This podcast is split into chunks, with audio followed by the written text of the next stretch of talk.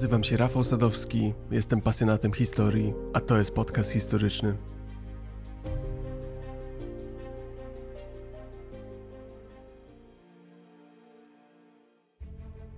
Zabieram Was dziś do starożytnego Rzymu. Poznamy od podszewki, jak powstawała fascynująca Republika Rzymska. Przemierzymy wraz z doskonale wyposażonymi rzymskimi legionami setki kilometrów i podbijemy wszystko, co stanie na naszej drodze.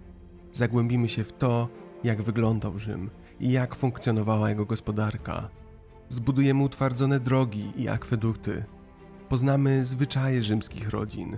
Dowiemy się, jak wyglądało antyczne rzymskie społeczeństwo. Razem wybierzemy się na arenę gladiatorów i stoczymy walkę na śmierć i życie. A na koniec poznamy bohatera dzisiejszego odcinka Spartakusa.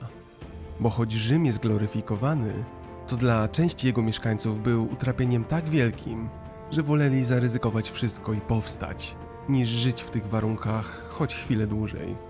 I to właśnie o historii takiego zrywu również opowiem. Zaczynamy. Podcast historyczny to nasze wspólne dzieło, dostępne za darmo. Dlatego ogromnie dziękuję każdemu wspierającemu patronowi. Szczególne podziękowanie zaś kieruję ku patronom mecenasom Michałowi, Danielowi, Łukaszowi, Michałowi, Przemkowi, Alinie, Bartoszowi, Monice, Karolowi, Pawłowi, Sebastianowi, Wojciechowi, Nidalowi, Dorocie, Łukaszowi, Franciszkowi, Karolowi, Rafałowi, Konradowi, Piotrowi i Katarzynie. Ogromnie dziękuję za Wasze znaczące wsparcie. Pamiętam jak na lekcjach historii z wypiekami na twarzy czekałem, aż wreszcie dojdziemy do starożytnego Rzymu. Rzym to nie był starożytny Egipt, Mezopotamia czy nawet Grecja. Rzym to była pierwsza historyczna superpotęga, która naprawdę mnie fascynowała. Prawdziwe, ogromne, a jednocześnie sprawne jak szwajcarski zegarek państwo. Prawo, pieniądz, niezwyciężona armia, utwardzane drogi – akwedukty, sztuka, nauka. To wszystko zdawało się być światłem dla błądzącej w mroku barbarzyństwa reszty świata. Majestat Imperium Romanum, najpotężniejszego państwa antyku, które miało trwać przecież wiecznie. I rzeczywiście Rzym był ogromny, zarówno pod względem rozmiaru, jak i wpływu nawet na dzisiejszy świat. Piszemy przecież w zmodyfikowanym alfabecie rzymskim – Łaciną do dziś posługują się prawnicy, biolodzy i lekarze. Świat, jaki znamy dziś, w dużej mierze pochodzi z czasów rzymskich. Prawo rzymskie stanowi podstawę kontynentalnego prawodawstwa. Zasada domniemania niewinności pochodzi przecież od Rzymian. Żeby to jednak wszystko powstało, musiał być ku temu jakiś początek, jakaś luka do zagospodarowania. I rzeczywiście, Początek Rzymu jest nie mniej fascynujący niż dziedzictwo, jakie pozostawił po sobie. Pozwólcie, że opowiem wam mit o powstaniu Rzymu. Mit ten rozpoczyna się 21 kwietnia 753 roku przed naszą erą na brzegu rzeki Tyber w środkowych Włoszech. Bliźniacy Romulus i Remus byli wnukami króla z rodu Latynów, Numitora. Jego brat Amulius przejął władzę wtrącił Numitora do więzienia, a jego córce, Rei Sylwii, nakazał zostać kapłanką bogini Westy. Skazana na życie w celibacie, Sylwia Rea w tajemnicy powiła jednak dwóch chłopców. Ich ojcem zaś był nie kto inny, jak bóg wojny Mars. Romulus i Remus zatem byli półbogami, ludźmi, w których żyłach płynie boska krew. Za karę za swoją zdradę Sylwia Rea straciła życie – a jej chłopcy mieli zostać wrzuceni do rzeki i utopieni. Litościwy kat włożył jednak Romulusa i Remusa do koszyka. Płynąc z nurtem rzeki, osiedli na mieliźnie. Ich donośny płacz miała usłyszeć wilczyca. To ona wykarmiła bliźnięta i uratowała im życie. Gdy podrośli, bliźniacy założyli własne miasto. Rozwijało się sprawnie, a nowi mieszkańcy zaczęli powoli ściągać, aby w nim zamieszkać. Wkrótce więc bracia zaczęli spierać się o to, kto będzie rządził lub nadawał nawet swoje imię miastu. Kłótnia była coraz bardziej zaogniona i w końcu podczas niej Romulus w afekcie zabił Remusa. Ten bratobójczy akt oznaczał jednak, że spór się zakończył. Nowe miasto zostanie nazwane na cześć zwycięskiego bliźniaka Romulus, a zatem Roma. Aby jak najszybciej przyciągnąć ludzi do zamieszkania w nowym mieście, Rzym otworzył swoje wrota dla ubogich, wygnanych i niechcianych w innych miastach. To jednak okazało się problematyczne. Rzym szybko zyskał dużą populację mężczyzn, ale praktycznie brakowało w nim kobiet. Romulus rozpoczął objazd po sąsiednich miastach i plemionach i próbował wynegocjować prawa do małżeństwa z kobietami z tych miast. Rzym jednak znany był z tego, że jest siedzibą raczej nizin społecznych, więc Romulus spotykał się z kategorycznymi, ciągłymi odmowami. Legenda mówi, że zdesperowany Romulus i Latynowie w końcu zaprosili okoliczny ród Sabinów na gościnny festiwal i na tymże festiwalu po prostu porwali ich niezamężne panny, prowadząc do przymusowej integracji Latynów z Sabinami.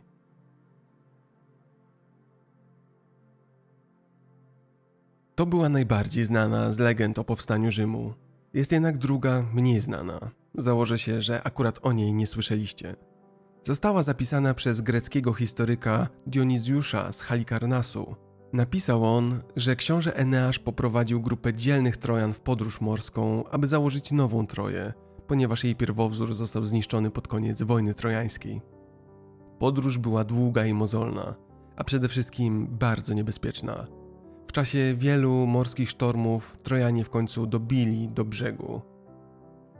Niedługo po wylądowaniu mężczyźni chcieli jednak ponownie wyruszyć w morze, lecz kobiety, które z nimi podróżowały, nie chciały wracać do mozolnych poszukiwań. Najbardziej zdesperowana z tych kobiet, nosząca imię Roma, zaplanowała spisek. Powiedziała innym kobietom, aby podpaliły stojące na morzu statki. Wtedy już nie byłoby możliwości dalszej tułaczki. Tak też się stało, a statki do cna strawił płomień. Mężczyźni wpadli w furię. Chcieli nawet zabić Romę, ale po chwili szybko zdali sobie sprawę, że są w idealnym miejscu do osiedlenia się. Byli bowiem na szczycie siedmiu wzgórz: Aventynu, Palatynu, Kwirynału, Wiminału, Celiusa, Eskwilina i Kapitolu. To gwarantowało bezpieczeństwo. Jednocześnie rzeka Tyber dawała dostęp do słodkiej wody, ryb oraz dawała możliwość transportu. Gdy uzmysłowili sobie, że nie ma już sensu szukać dalszej, nowej Troi, nazwali osadę imieniem kobiety, która podpaliła ich statki Roma. I tak oto nie dość, że Roma uniknęła śmierci, to jej imię zostało wieczne. Niezależnie w którą wersję mitu o powstaniu Rzymu wierzyć, faktem jest, że w połowie VIII wieku przed naszą erą to antyczne miasto w istocie rozpoczyna swoją epicką historię. Założono je na Palatynie, jednym ze wzgórz nad rzeką Tyber. Początkowo było niewielką osadą, wkrótce jednak znacznie się rozrosło, wchłaniając następne obszary wyznaczane przez kolejne wzgórza. Warunki naturalne sprzyjały temu rozwojowi. Rzym leżał pośrodku Italii, a rzeka Tyber stanowiła naturalny łącznik z morzem. Miasto kontrolowało szlak handlowy biegnący z północy na południe oraz zasoby soli u ujścia rzeki. Ostatecznie miasto objęło siedem wzgórz, które zapewniały mieszkańcom schronienie. Lubimy myśleć, że Rzym był mniej lub bardziej jednorodny. Zanim jednak tak się stało, zanim przeobraził się w imperium, nie było czegoś takiego jak jedno uniwersalne państwo rzymskie. Półwysep Apeniński, ten charakterystyczny but na mapie, wchodzący w Morze Śródziemne, niegdyś stanowił zbiór wielu różnych ludów. Zamieszkujący Lacjum Latynowie graniczyli od północy z ludem Etrusków, którzy tu pojawili się na Półwyspie Apenińskim w X wieku przed naszą erą. Wcześniej na Półwysep dotarli mieszkający na wschodnim wybrzeżu Morza Śródziemnego Fenicjanie. Od VIII wieku przed naszą erą zaś Sycylię i południową Italię objęła wielka kolonizacja Greków. Wspominam o Etruskach nie bez powodu, gdyż to z Etrusków pochodzili pierwsi królowie rzymscy. Pierwszym królem Rzymu został Romulus i to od niego rozpoczyna się okres monarchii w starożytnym Rzymie. Nadchodzące kilkadziesiąt lat historii Rzymu to rządy królów pochodzenia etruskiego. Do końca VII wieku przed naszą erą stworzyli tam arystokratyczną i monarchistyczną elitę, sprawującą kontrolę nad pozostałymi osadami. Monarchia to rządy króla, rządy jednostki. Pełnia władzy w mieście po łacinie nazywamy to imperium, przypadała królowi. Władca, czyli rex, dowodził armią, a także posiadał pełnię władzy cywilnej, sądowej i religijnej. Rządy etruskich królów nie trwały jednak długo. Z tego co wiemy z nielicznych źródeł z tamtego okresu, etruscy królowie zostali w jakiś sposób obaleni na końcu VI wieku przed naszą erą. Najpewniej etruscy królowie nadużywali władzę. Być może nie potrafili porozumieć się z ludem. Nie wiemy tego na pewno. Wiemy jedynie to, że Rzym w końcu stał się republiką, w której, podobnie jak w starożytnej Grecji, rządziła obywatelska wspólnota, po łacinie respublica, czyli rzecz wspólna, określana także mianem civitas. Od tych nazw wywodzą się współczesne nam terminy, takie jak republika, rzeczpospolita, cywilny. Owa respublika, czyli wspólnota, była złożona z obywateli. Wszyscy podlegali jednemu prawu, każdy miał określone obowiązki. Wszyscy stali się równi, w przeciwieństwie do poprzedniej monarchii.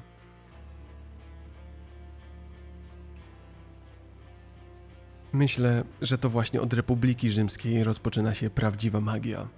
Rzymianie na każdym kroku zaczęli udowadniać, że potrafią się zorganizować, że potrafią tak ułożyć nowe państwo, aby stawało się coraz silniejsze i coraz sprawniejsze. Rozpoczęto układanie od zera kompetencji państwowych. Zadania obalonych królów zostały rozdzielone pomiędzy wyższych urzędników. Prowadzenie polityki i dowodzenie wojskiem powierzono dwóm konsulom, corocznie wybieranym, najwyższym urzędnikom. Obaj mieli identyczną pozycję i uprawnienia. To pozwalało im na wzajemną kontrolę, a tym samym zapobiegało nadużywaniu przez nich swoich wpływów. Rzymianie byli jednak sprytni. A co jeśli konsulowie nie będą mogli się porozumieć ze sobą?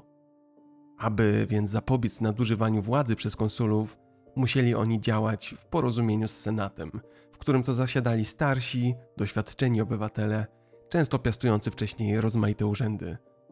Senat czuwał nad finansami państwa, doradzał także urzędnikom. Postanowienia Senatu wchodziły w życie natychmiast albo były poddawane pod głosowanie.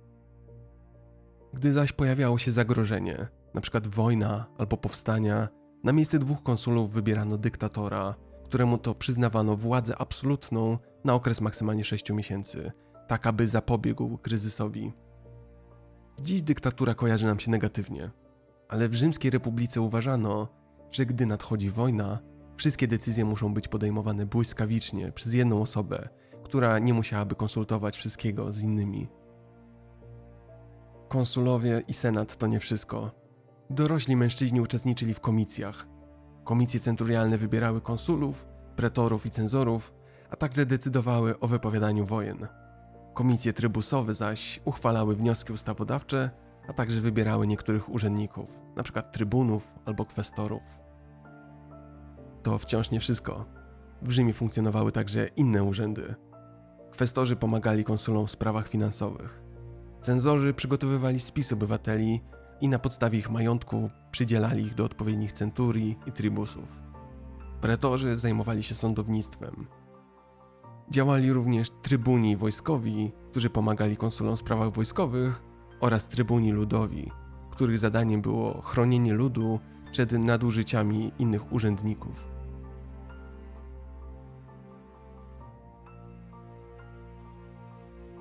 Sami przyznacie, że jak na antyczne czasy skala zaawansowania była znacząca.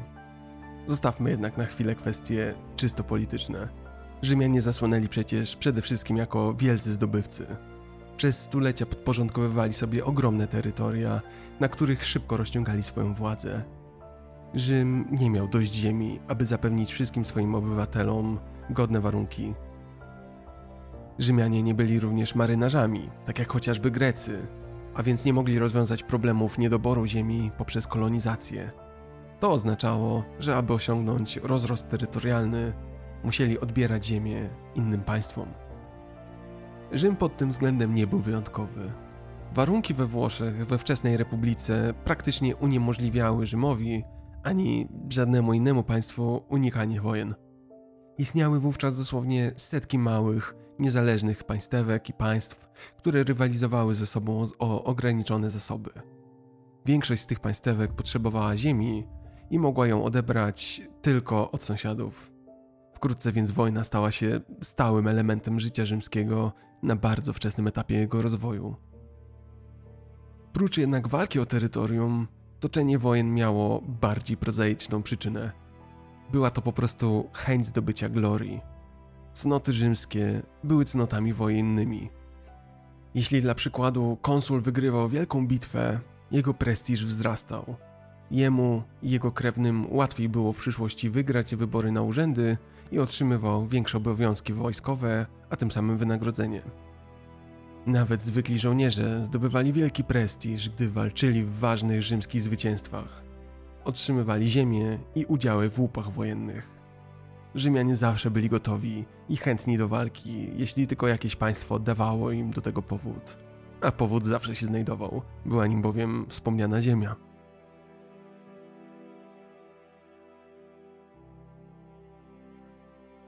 Wiemy już, dlaczego Rzym walczył i podbijał. Dowiedzmy się, w jaki sposób to robił. Do podbojów bowiem, prócz chwalebnych powodów, potrzebna jest przede wszystkim armia. I armia rzymska była największą i najsilniejszą siłą bojową w starożytnym świecie. Podbijała ogromne terytoria, które ostatecznie rozciągało się od Wielkiej Brytanii aż po Bliski Wschód. Armia rzymska była jak na swoje czasy bardzo zaawansowana. Żołnierze byli doskonale wyszkoleni, mieli najlepszą broń i najlepsze zbroje. Żeby nie być gołosłownym, kiedy Rzymianie najechali Brytanię, ich armia była już tak silna, że pokonywała dziesięciokrotnie większe siły wroga. Rzymski żołnierz był doskonale wyszkoloną maszyną bojową. Mógł maszerować 35 km dziennie, nosząc całą swoją zbroję i ekwipunek. Mógł pływać lub przeprawiać się przez rzeki łodziami, budować mosty i wdzierać się do fortów. Po całodniowym marszu żołnierze rzymscy musieli budować obóz wraz z rowem obronnym i ścianą z drewnianych pali. Następnego dnia po marszu musieli to wszystko powtarzać i tak bez końca. Rzymscy żołnierze byli bezwzględnie posłuszni. Każdy zaś, kto się sprzeciwiał, spotykał się z surowymi karami. Nawet jednorazowe zaśnięcie na służbie oznaczało natychmiastową karę śmierci. Większość życia żołnierza rzymskiego to czas spędzony na treningu. Ćwiczono walkę w formacjach i walkę w pojedynkach. Legioniści patrolowali też podbite terytoria i budowali drogi, forty i akwedukty. Tylko mężczyźni mogli być w armii rzymskiej. Nie wolno było dołączać kobietom. Istniały dwa główne typy żołnierzy rzymskich: legioniści i auxilia. Legioniści to byli elitarni żołnierze. Legionista musiał mieć ukończone 17 lat i być obywatelem rzymskim. Każdy nowy rekrut musiał być w doskonałej formie. Za słabi, za niscy byli natychmiast odrzucani. Legionista zapisywał się na co najmniej 25-letnią służbę.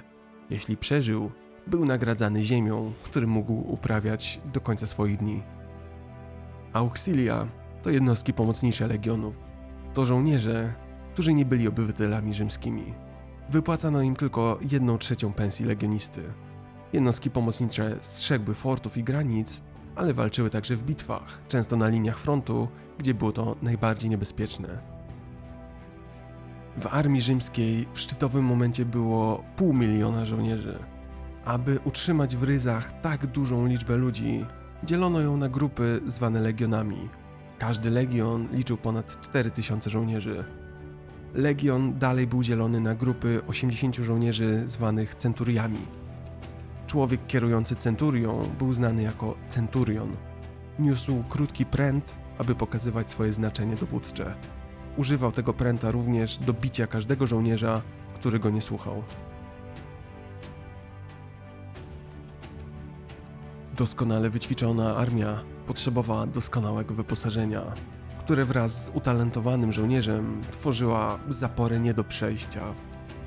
Zawsze podstawowym elementem uzbrojenia rzymskiego były hełm, czyli galea, tarcza, skutum albo parma, najpierw owalna, a później prostokątna, pancerz, czyli zbroja łuskowa albo kolczuga, w następnym czasie zaś zbroja segmentowa, ciężka włócznia albo oszczepy, krótki obosieczny mecz zwany gladius oraz sandały.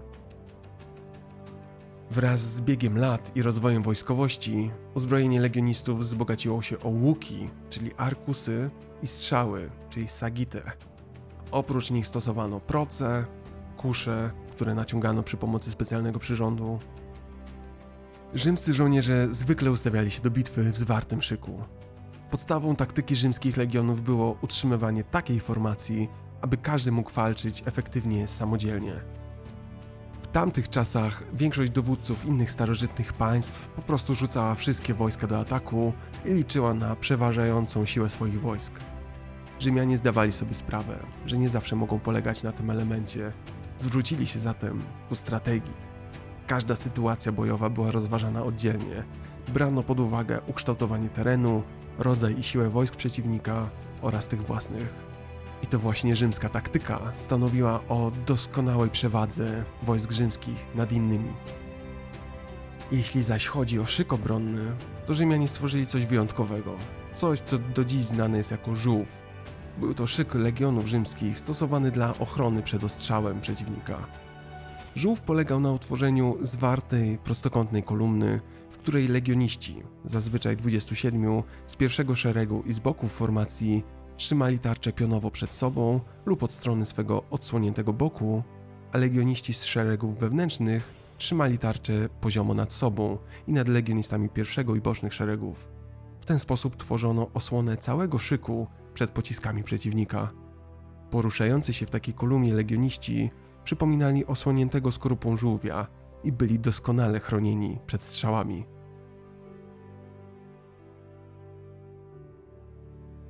Na krótko przed rozpoczęciem bitwy, wódz zwracał się do zgromadzonych rzymskich wojsk ze specjalnym przemówieniem bojowym, tzw. Tak adlocutio.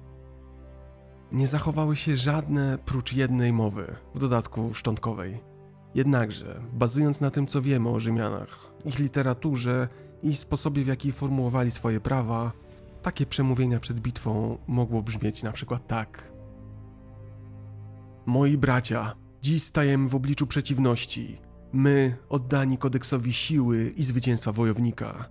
I choć śmierć jest zapasem, nigdy nie zaznamy porażki, gdy staniemy przeciwko niej razem. Dziś dopiszemy kolejny triumf do naszej historii. Stać tu z wami to zaszczyt. To, co robimy dzisiaj, robimy jako pokorni słudzy bogów. Prośmy ich o odwagę i siłę.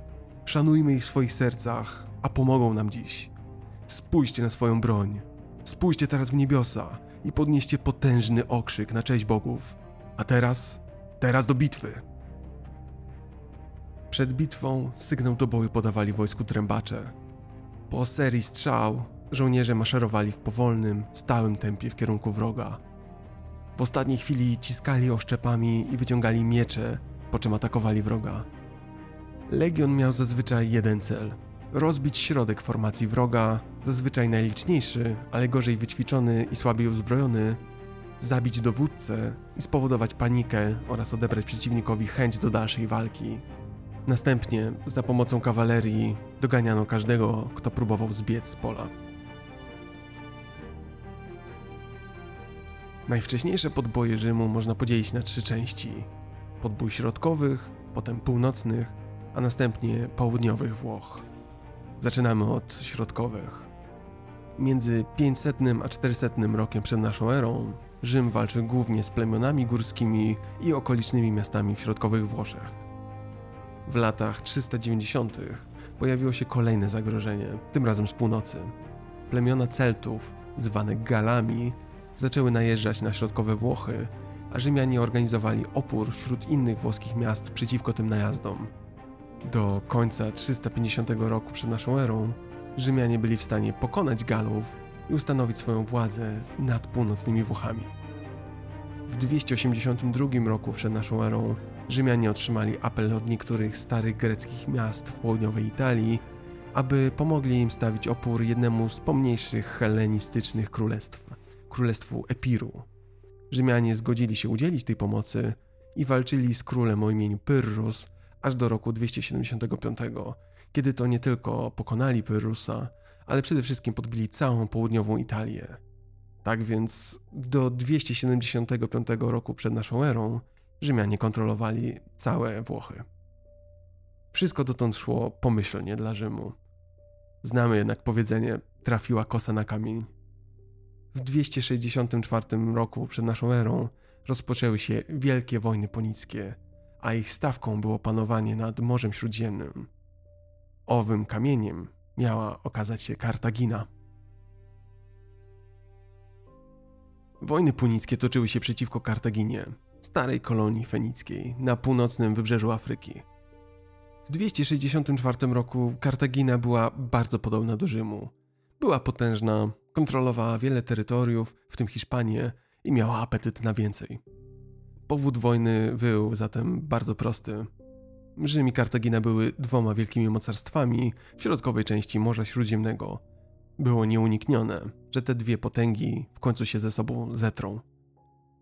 Podczas I wojny punickiej większość walk toczyła się na morzu wokół Sycylii. Rzymianie byli w gorszej sytuacji, ponieważ nie mieli dotąd marynarki wojennej.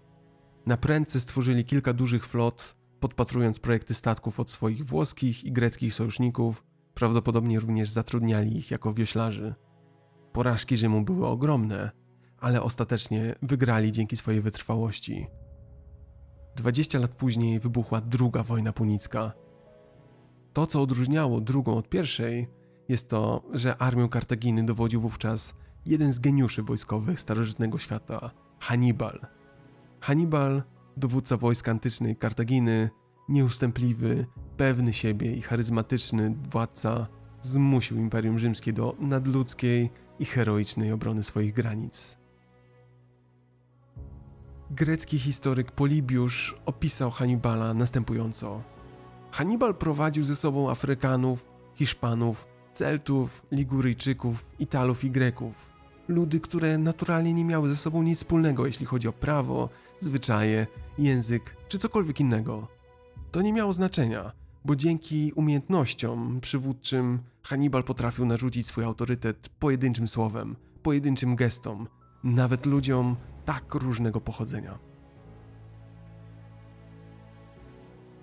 I faktycznie, Hannibal w genialnym ruchu postanowił przenieść wojnę wprost na przedpola Rzymu. Poprowadził swoje siły do Włoch w 218 roku przed naszą erą i zaczął pokonywać Rzymian w bitwie za bitwą. Nigdy jednak nie był w stanie przedrzeć się do samego miasta Rzym. Cały czas był odpychany od okolic stolicy. Za każdym razem, gdy Rzymianie walczyli z Hannibalem, przegrywali. Postanowili więc nękać jego armię, maszerując w górę i dół Włoch.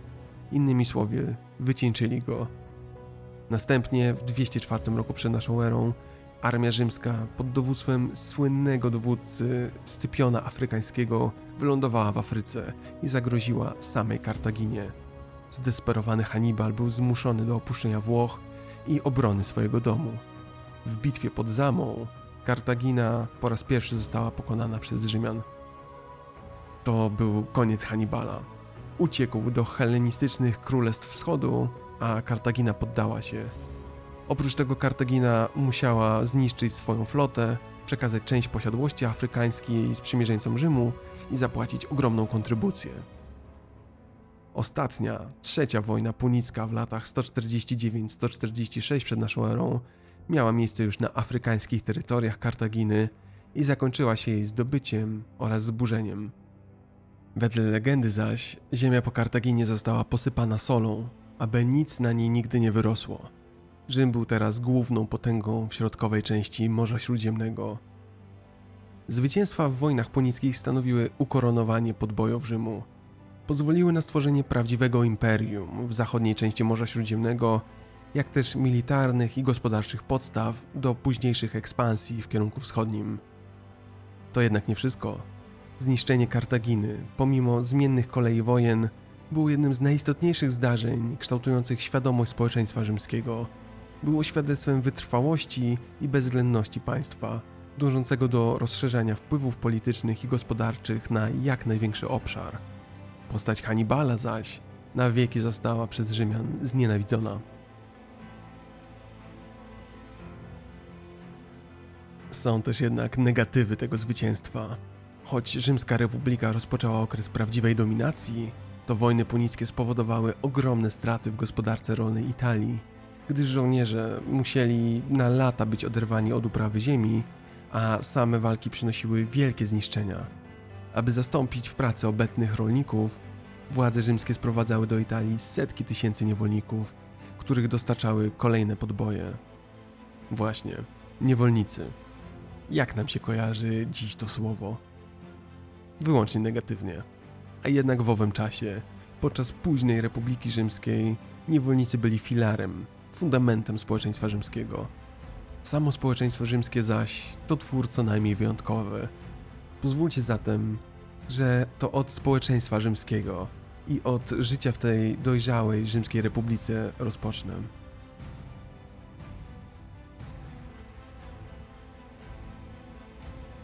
Opis społeczeństwa rzymskiego to trudne zadanie. W ciągu wielu wieków historii starożytnego imperium społeczeństwo ulegało licznym przemianom. Na kształt rzymskiego społeczeństwa miały wpływ podboje i powiększanie się terytorium rzymskiego, bogacenie się mieszkańców i wydarzenia historyczne. Poszczególne warstwy społeczne kształtowały się też i zmieniały w zależności od formy ustrojowej. Sam Rzym był największym ośrodkiem miejskim w imperium, z populacją szacowaną w krańcowym okresie na blisko milion. Przestrzenie publiczne w Rzymie rozbrzmiewały takim łoskotem kopyt i stukotem żelaznych kół rydwanów, że zirytowany Juliusz Cezar próbował kiedyś zakazać ruchu rydwanów w ciągu dnia, tak bardzo przeszkadzał mu ruch uliczny. Szacunki historyczne pokazują, że około 20% ludności pod jurysdykcją starożytnego Rzymu mieszkała w ośrodkach miejskich, takich jak Rzym i inne duże miasta. To bardzo wysoki wskaźnik urbanizacji, szczególnie jak na tamte czasy. Większość z tych ośrodków miała forum, świątynie i inne budowle podobne do rzymskich. Średnia długość życia wynosiła około 28 lat. Społeczeństwo rzymskie ulegało przez lata licznym przemianom. Na to, jak wyglądało, wpływały podboje i coraz większe terytoria rzymskie. W najdawniejszych czasach monarchii rzymskie społeczeństwo oparte było o system rodowy. Owe rody miały wyłączne prawa do zajmowania urzędów. Początek republiki przyniósł wykształcenie się dwóch głównych grup społecznych patrycjuszy i plebejuszy. Pierwsza z tych grup była rzymską arystokracją. Patres oznacza pochodzenie z dawnych rodów rzymskich. Patrycjusze uważali się za jedynych, którzy mogą sprawować władzę. Plebejusze zaś, od słowa plebs, czyli lud, pospólstwo, w początkowym okresie nie mieli dostępu do władzy. Zajmowali się rzemiosłem, kupiectwem i rolnictwem. Z czasem plebejusze zaczęli rozumieć swoje znaczenie dla funkcjonowania miasta, zwłaszcza dla jego obronności, gdyż służyli również w armii i z tego powodu zaczęli walczyć o swoje prawa. Później zaś pojawiła się klasa pomiędzy patrycjuszami a plebejuszami. Ekwici to średnio zamożni Rzymianie, stać ich było na posiadanie konia. Equus po łacinie oznacza koń i to właśnie ten koń stanowił wyznacznik tej klasy. Służyli oni w armii na wyższych stanowiskach, zajmowali się też handlem. A jak wyglądało życie domowe w Rzymie? Rodzina była podstawową komórką społeczeństwa rzymskiego. Ojciec był głową rodziny, podejmował wszystkie decyzje dotyczące finansów i wychowywania dzieci. Ojcowie mieli pełną kontrolę nad swoim potomstwem, bez względu na ich wiek lub stan cywilny, od urodzenia aż do śmierci. Ojciec miał prawo nawet decydować, czy jego nowonarodzone dziecko będzie wychowywane w domu, czy porzucone. Poród odbywał się w domu, do którego to uczęszczała położna i niewolnicy matki. Mężczyźni zwyczajowo nie brali udziału w porodzie, choć czasami w domach wyższych klas wzywano lekarza, który był pod ręką w przypadku trudnego porodu. Po urodzeniu i oczyszczeniu dziecka układano je na podłodze w kocu, a ojciec był wołany do pokoju. Drobiazgowo oglądał swojego potomka i podejmował jeden z dwóch gestów. Jeżeli podniósł niemowlę, oznaczało to, że zostało ono przyjęte do domu. Jeśli zaś ojciec odwracał się, oznaczało to porzucenie dziecka. Porzucone dziecko wynoszono z domu i zostawiano na ulicy na śmierć. Ojciec mógł odrzucić dziecko z jakiegokolwiek powodu i cokolwiek by to nie było, jego wola była ostateczna i niepodważalna. Owe porzucone niemowlęta były często ratowane przez handlarzy niewolników, którzy wychowywali je, a później sprzedawali na niewolników. Kobiety przez całe życie podlegały woli ojców, nawet po ślubie, nie miały głosu ani władzy politycznej. Córki uczono, jak prowadzić gospodarstwo domowe, opiekować się mężami i pomagać w rozwoju kariery męża. W późniejszym okresie Republiki Rzymskiej kobiety zaczęły zyskiwać więcej praw, ale cały czas pozostawały pod kontrolą swoich ojców i mężów. Pomimo tego kobiety mogły wnosić o rozwód, za zgodą mężczyzny dokonywać aborcji, dziedziczyć, zarządzać i sprzedawać majątek, a kobiety z niższych klas mogły pracować w sklepach oraz sprzedawać na straganach towary takie jak biżuteria, odzież i ceramika. Kiedy kobieta osiągała wiek około 15 lat, jej ojciec znajdował odpowiednią osobę do małżeństwa. Ceremonie małżeńskie miały swój ustalony obrządek i były bardzo uroczyste. Odbywały się o świcie, tuż po wschodzie słońca. To symbolizowało nowe życie, w które wkraczała para. Ceremonia wymagała dziesięciu świadków, aby była legalna. Panna młoda recytowała tradycyjną przysięgę, a następnie weselnicy, podążając za parą młodą, szli do nowego domu małżeństwa na ucztę. Idąc, panna młoda upuszczała jedną monetę poświęconą duchom dróg na znak ofiary przynoszącej szczęście w przyszłej ścieżce małżeńskiej i darowała swojemu nowemu mężowi dwie monety, jedną na jego cześć osobiście, a drugą na cześć duchów jego domu. Po drodze pan młody rzucał w tłum orzechy i słodycze. Ten rytuał przetrwał do dziś w postaci rzucania ryżem na weselu. Gdy docierano do domu pana młodego, ów pan młody podnosił pannę młodą i przenosił ją przez próg. Ten gest znamy do dziś. Uczony Harald Johnson sugeruje, że mógł on symbolizować schwytanie kobiety, nawiązując w ten sposób do historii gwałtu na Sabinkach z początku Rzymu. Choć jest to teoretycznie możliwe, bardziej prawdopodobne jest, że przenoszenie panny młodej zapobiegało potknięciu się i upadkowi, co zaś stanowiłoby bardzo zły omen dla małżeństwa. Najbardziej prawdopodobne jednak jest, że był to symboliczny gest usuwający kobietę ze starego życia i wnoszący ją w nowe. Następnie rozpoczynała się uczta. Bliscy przyjaciele i rodzina byli zapraszani do domu, a mąż ofiarował swojej nowej żonie ogień i wodę jako niezbędne elementy domostwa. Żona zaś rozpalała pierwszy ogień w palenisku jako symbol początka nowej rodziny. Ponieważ w hierarchii społecznej dominowali mężczyźni, rzymski dom skupiał się głównie na pierworodnym synu. Dziewięć dni po urodzeniu dziecka płci męskiej dziecko otrzymywało imię podczas ceremonii oczyszczenia, znanej jako lustratio. Otrzymywało również amulet odpędzający złe duchy. Amulet dla chłopców nazywano bullą, a amulet dla dziewcząt lunula. Chłopcy byli wychowywani, by przejąć działalność swojego ojca, a jeśli ów ojciec był patrycjuszem albo ekwitą, czyli jedną z klas wyższych, jeździli również konno, polowali i walczyli. W czasach Republiki Rzymskiej służba wojskowa była obowiązkowa, więc każdy mężczyzna uczył się umiejętności walki niezależnie od klasy. Podczas gdy w okresie cesarstwa służba wojskowa była już dobrowolna. Dziewczęta, jak wspomniałem, były wychowywane na żony i matki.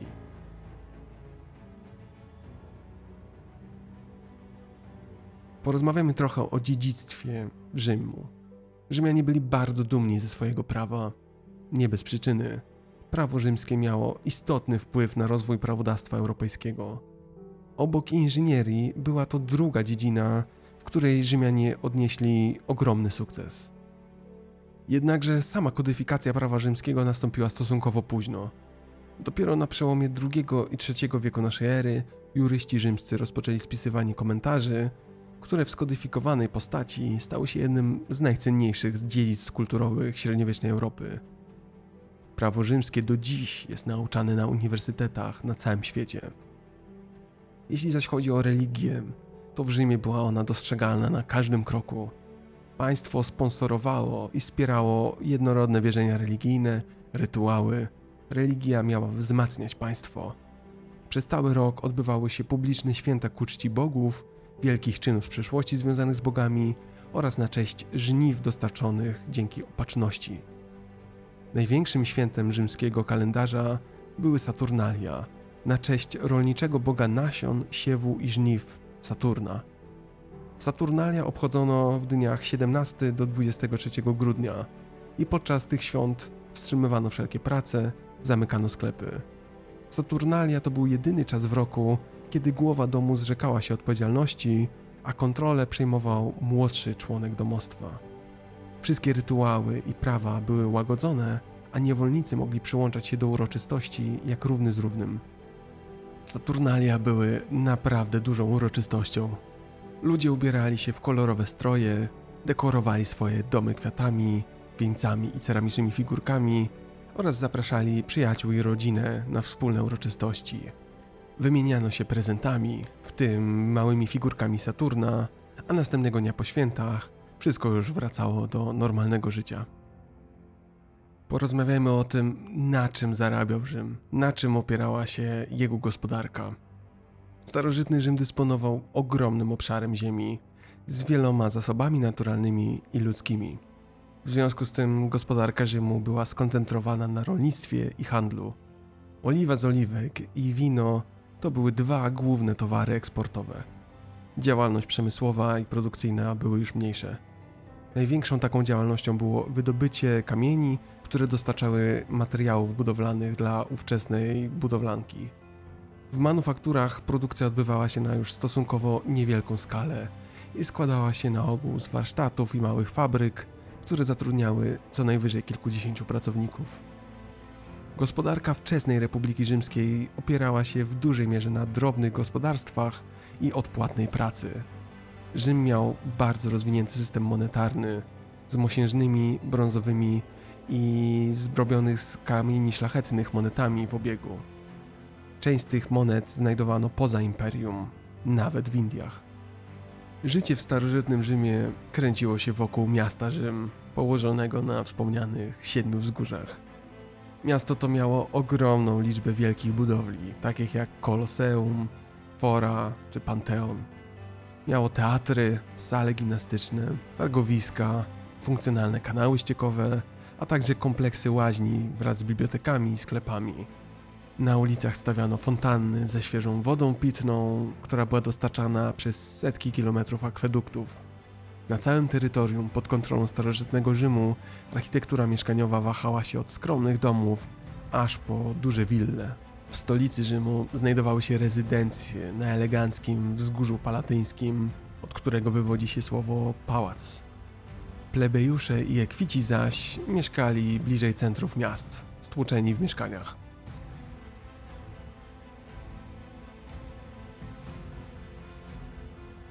Porozmawiajmy o czymś bardziej przyziemnym o kuchni.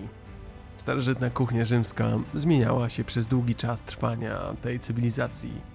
Mężczyźni i kobiety pili wino do posiłków, co stworzyło tradycję, która przetrwała zresztą do dnia dzisiejszego. Starożytna dieta rzymska zawierała wiele elementów, które są podstawą dzisiejszej współczesnej kuchni włoskiej.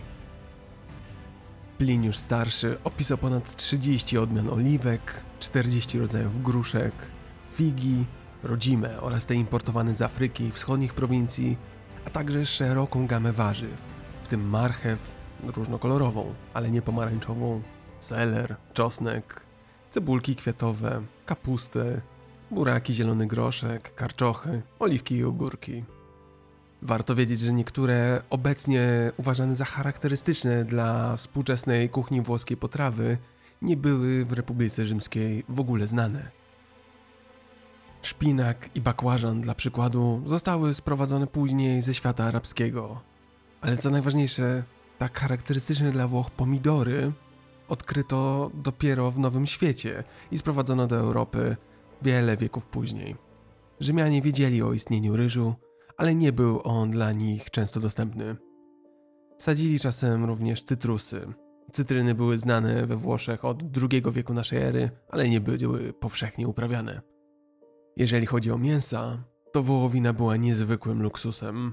Dużo popularniejszym mięsem była wieprzowina, zwłaszcza przerabiane na formy kiełbas.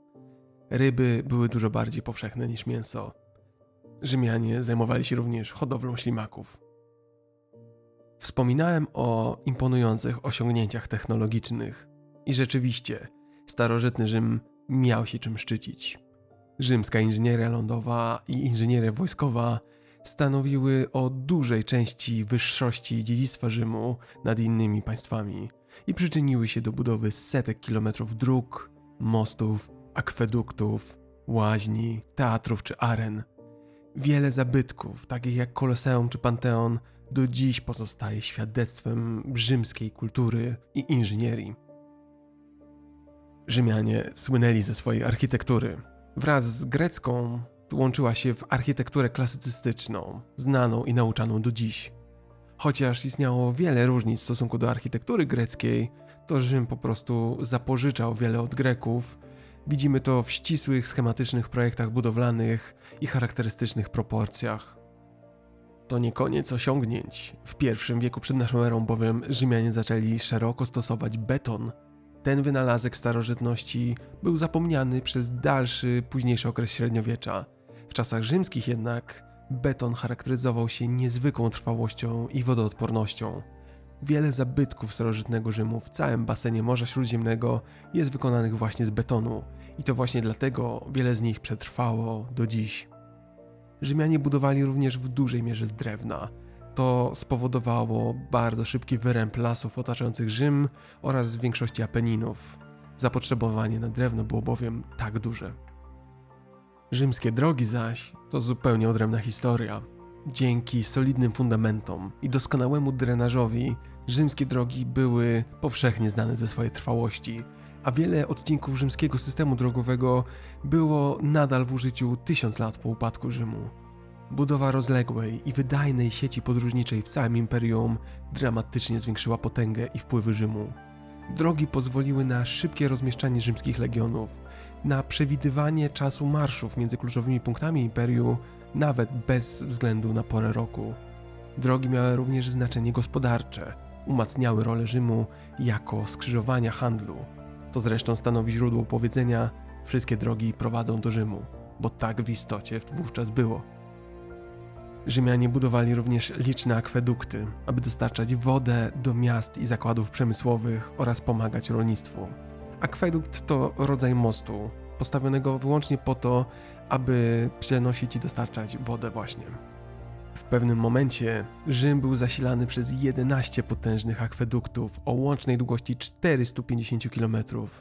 Większość akweduktów została zbudowana pod powierzchnią, a tylko nieliczne małe części nad ziemią podtrzymywane były przez łuki. Dziś to dla nas oczywistość, ale wówczas bieżąca woda w miastach to był ogromny skok cywilizacyjny. Rzymianie dokonali również znaczących postępów w zakresie warunków sanitarnych. Słynęli z pięknych łaźni publicznych, zwanych termami, które służyły zarówno do celów higienicznych, jak i czysto społecznych.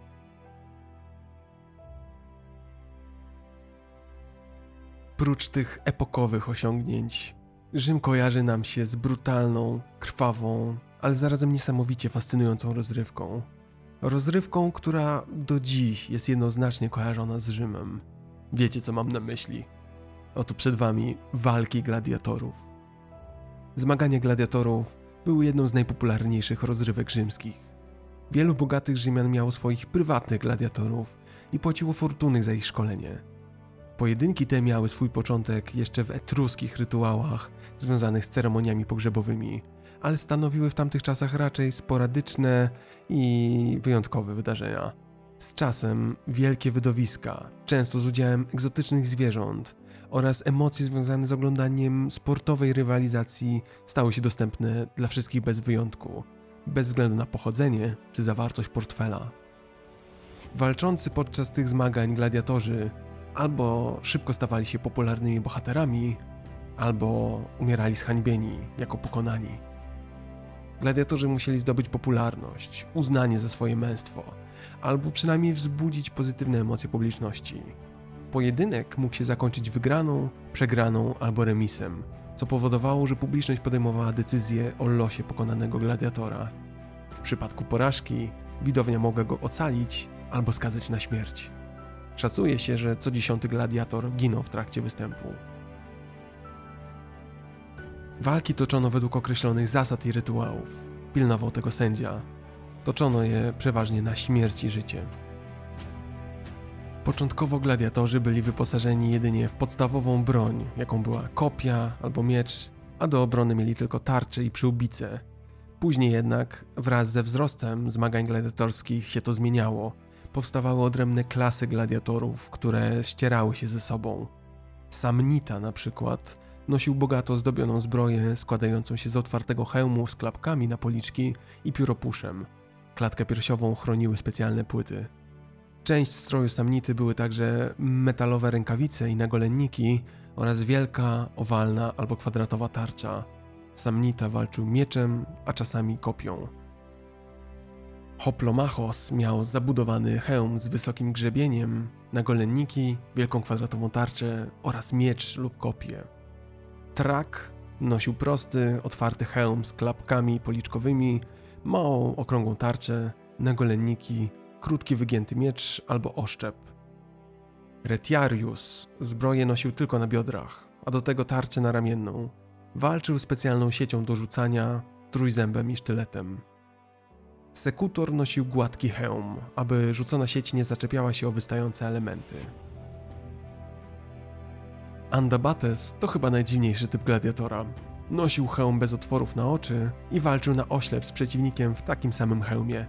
Zlokalizowanie przeciwnika ułatwiało brzęczenie kolczuk, które nosili ślepi gladiatorzy oraz okrzyki publiczności dające walczącym wskazówki. Equus, czyli jeździec, walczył kopią albo mieczem. Bronił się małą, okrągłą tarczą, zbroją na piersiach i bandażami założonymi na ręce. Esedarius zaś walczył z wozu prowadzonego przez woźnicę. Używał łuku i kopii, a z bliska miecza. W starożytnym Rzymie walczyły też gladiatorki, niewolnicy zmuszane do walki lub ochotniczki walczące dla pieniędzy i sławy. Ich występy nie były powszechne i miały na celu uatrakcyjnienie głównych pojedynków na arenie. Gladiatorki nie walczyły z mężczyznami tylko między sobą, zazwyczaj wyłącznie do pierwszej krwi, czyli do zranienia. Walki gladiatorów były ogłaszane z dużym wyprzedzeniem. Na plakatach, które podawały miejsce, datę i liczbę sparowanych gladiatorów. Podawano do wiadomości również, jakie egzekucje będą przeprowadzone w przerwach, jaka muzyka będzie grana i wszelkie luksusy, które mają być zapewnione widzom, takie jak markizy chroniące przed słońcem, zraszacze wodne, jedzenie, napoje, słodycze. Dla hazardzistów rozprowadzano typy i zakłady. W noc poprzedzającą gladiatorzy otrzymywali bankiet i możliwość uporządkowania swoich osobistych, prywatnych spraw. Gdy nadchodził dzień walki, oprawa była niesamowicie uroczysta. Procesja, czyli pompa, wchodziła na arenę prowadzona przez liktorów. Za nimi podążali trębacze grający fanfary. Wnoszono wizerunki bogów, aby byli świadkami, a następnie wchodził skryba, który zapisywał wynik oraz mężczyzna niosący gałązkę palmową, której używano do uhonorowania zwycięzców. Na samym końcu wchodzili gladiatorzy. Nie od razu jednak dochodziło do walk między gladiatorami. Ceremonie często zaczynały się od venationes, czyli polowania na bestie, i bestiarii, czyli starć pomiędzy zwierzętami. Dla przykładu lwy walczyły z tygrysami. Następny etap nazywał się Ludi Meridiani. Polegał on na rekonstrukcjach mitów greckich i rzymskich oraz w trakcie nich egzekucja jej niewolników. Gladiatorzy czasem byli w to angażowani jako kaci. Gladiatorzy następnie mieli organizowane nieformalne mecze rozgrzewkowe, używali tępych broni. Następnie editor sprawdzał oręż wybrany przez gladiatora do walki. Panowała pełna dowolność wyboru uzbrojenia oraz jego przyozdobienia. Niektóre bronie były ekstrawagancko zdobione piórami, klejnotami i metalami szlachetnymi.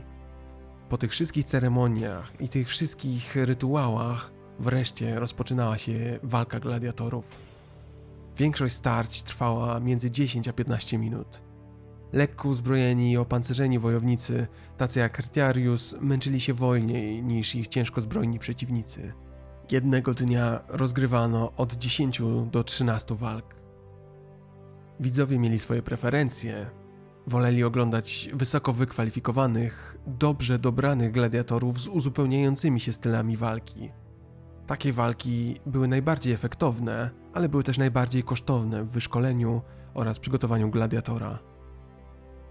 Jeśli któryś z gladiatorów ociągał się zbytnio, nie był skory do walki, mógł być biczowany albo poganiany gorącym żelazem, dopóki nie zaangażował się z desperacji.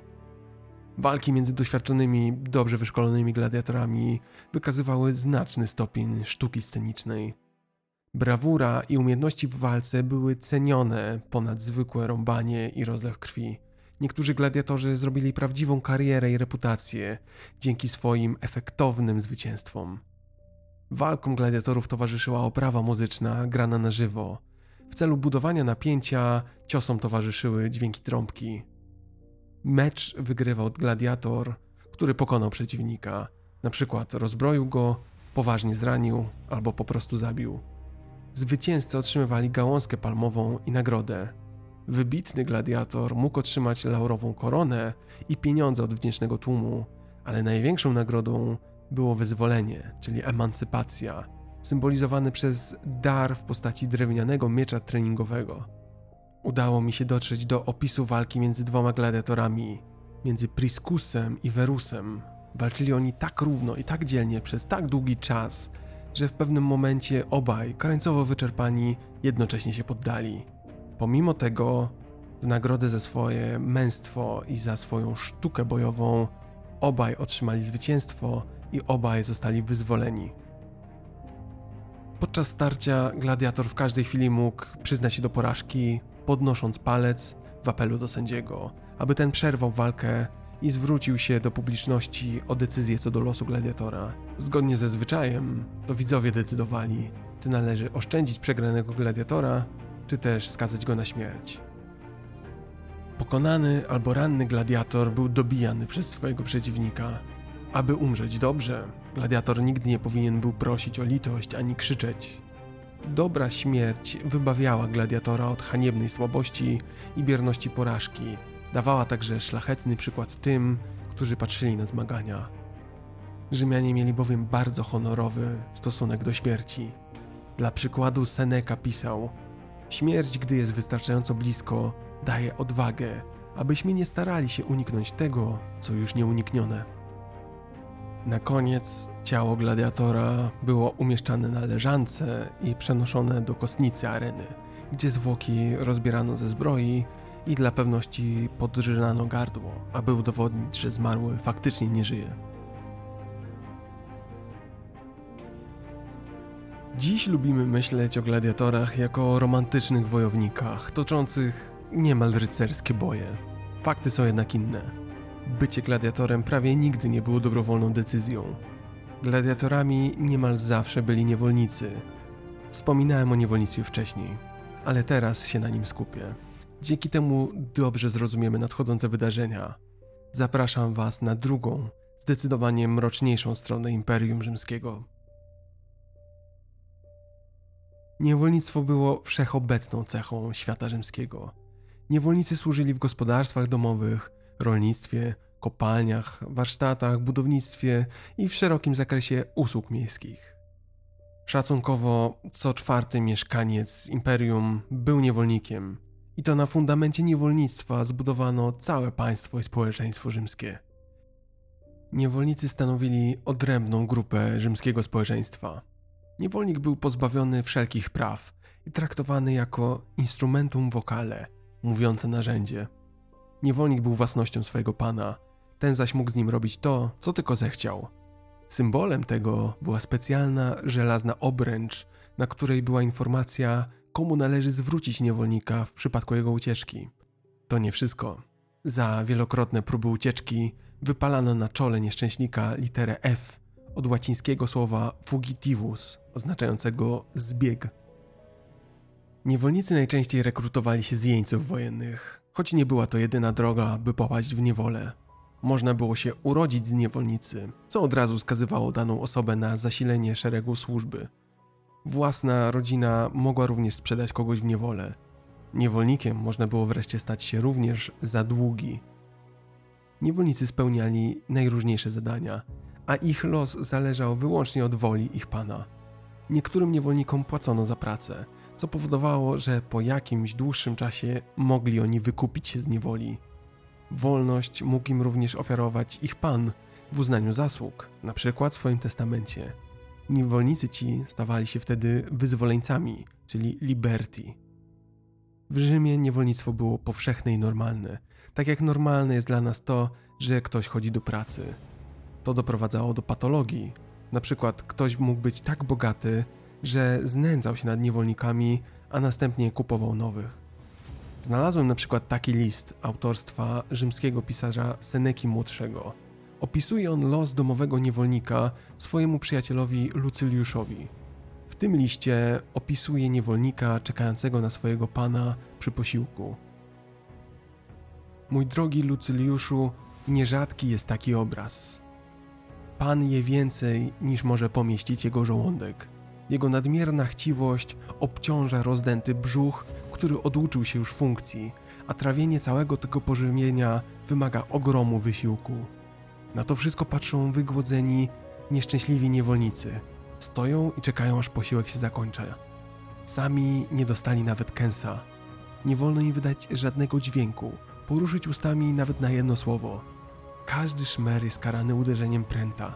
Nawet mimowolne dźwięki ciała, kaszel, kichanie, duszenie się nie są zwolnione z bata. Jeśli słowo przerywa milczenie, kara jest surowa. Głodni i niemi stoją przez całą noc tej dziwnej uczty. W dalszej części listu Seneca szczegółowo opisywał nadużycia, jakich doznawali niewolnicy, opisywał również arogancję panów. Seneca prosi Lucyliusza: Pamiętaj, że człowiek, którego nazywasz niewolnikiem, wyrósł z tego samego nasienia. Cieszy się tym samym światłem dziennym, oddycha tak jak ty, żyje tak jak ty, umiera tak jak ty. A jednak ci ludzie są traktowani jako mniej niż ludzie. Traktujemy zwierzęta lepiej niż tych nieszczęśników. Kiedy siedzimy przy stole, jeden niewolnik ściera ślinę z podłogi, drugi kuca, by zebrać resztki jedzenia. Jeszcze inny kroi kosztowną zwierzynę, oddziela porcję z ręcznym machnięciem wprawnej ręki i robi wyłącznie to, dzień po dniu. Cóż za nieszczęśliwy człowiek, aby żyć wyłącznie po to, by porządnie pokroić drób. Jeszcze inny ma za zadanie prowadzić księgę gości. Stoi tam ten biedny człowiek i patrzy, czyje nieumiarkowanie przełyku i języka będzie oglądać każdego następnego dnia. Złe traktowanie niewolników miało swój specyficzny powód. Trzeba było złamać wolę człowieka jako jednostki, aby mieć uległego, posłusznego sługę, który spełniałby oczekiwania. Niewolnicy przynosili zyski tylko wtedy, gdy byli ulegli i robili to, co im powiedziano, bez pytania, bez wahania. Fakt, że populacja niewolników była wówczas tak wielka, świadczy o bezwzględnej zdolności Rzymian do utrzymywania tego rodzaju kontroli nad zniewolonymi. Aby być uczciwym, należy zauważyć, że nie wszyscy niewolnicy byli źle traktowani. Bywali tacy, którzy byli dobrze traktowani przez swoich panów i którzy w zamian chętnie pracowali, aby chronić dom, własność i życie tego pana. Na przykład dwóch słynnych filozofów było niewolnikami. Diogenes z Synopy w Grecji i Epiktet byli niewolnikami rzymskimi. Obaj byli traktowani jako członkowie rodziny. Diogenes otrzymał całkowitą kontrolę nad edukacją chłopców domu, a Epikteta wysłano na studia filozofii stoickiej. To jednak nieliczne wyjątki od ogólnej zasady, a przeważająca większość niewolników miała bardzo ciężkie życie, bez nadziei na zdobycie wolności i bez żadnych praw. Zapytacie, czy niewolnicy nie buntowali się? I owszem, okrutnie i bezmyślnie traktowani niewolnicy sprzeciwiali się, ale Rzymianie szybko i sprawnie tłumili odosobnione ognisko buntu. Sam bunt zaś świadczył o krańcowej desperacji. Niewolnicy nie mogli bowiem nosić broni, a zatem idea grupowego powstania była niemalże abstrakcyjna. Tym niemniej czasem do takich grupowych zrywów dochodziło. Pierwszym prawdziwym powstaniem niewolników była rebelia na Sycylii w latach 135-132 przed naszą erą. Na Sycylii mieszkało bardzo dużo niewolników. Nie dbano o nich, nie zapewniano im pożywienia ani dachu nad głową, czy nawet ubrań. Na czele buntowników stanął pochodzący z Persji Eunus, który doprowadził do uniezależnienia się całej wyspy od władzy rzymskiej. Eunus stanął też na czele nowego państwa jako monarcha o imieniu Antioch. Ponad trzy lata zajęła wojskom rzymskim likwidacja rebelii na Sycylii. Blisko 30 lat później, znowu z tego samego powodu i znowu na Sycylii, doszło do kolejnego powstania niewolników. Były to lata 103 do setnego przed naszą erą. Spontaniczny bunt czterech tysięcy niewolników będący konsekwencją chciwości i okrucieństwa właścicieli taniej siły roboczej, wywołał kolejne lokalne powstanie. Do zjednoczenia niewolników pod swoim dowództwem doprowadził Salwiusz. Trzy ekspedycje wojsk rzymskich mające na celu przywrócenie władzy Rzymu zakończyły się niepowodzeniem. Dopiero czwarta pozwoliła pokonać armię buntowników i zlikwidować państwo utworzone przez dotychczasowych niewolników. Po drugim powstaniu niewolników minęło 30 długich lat ciemiężenia i upokarzania. Historia jednak wkrótce miała znów się powtórzyć. Tym razem jednak następstwa miały być o wiele, wiele poważniejsze. Poznajcie Spartakusa, gladiatora, którego imię zapisze się w historii wiecznymi zgłoskami i którego imię do dziś będzie znane i respektowane. Spartakus był trakiem, pochodzącym z regionu na północ od Macedonii, uważanej zarówno przez Greków, jak i Rzymian za niecywilizowaną, a nawet barbarzyńską.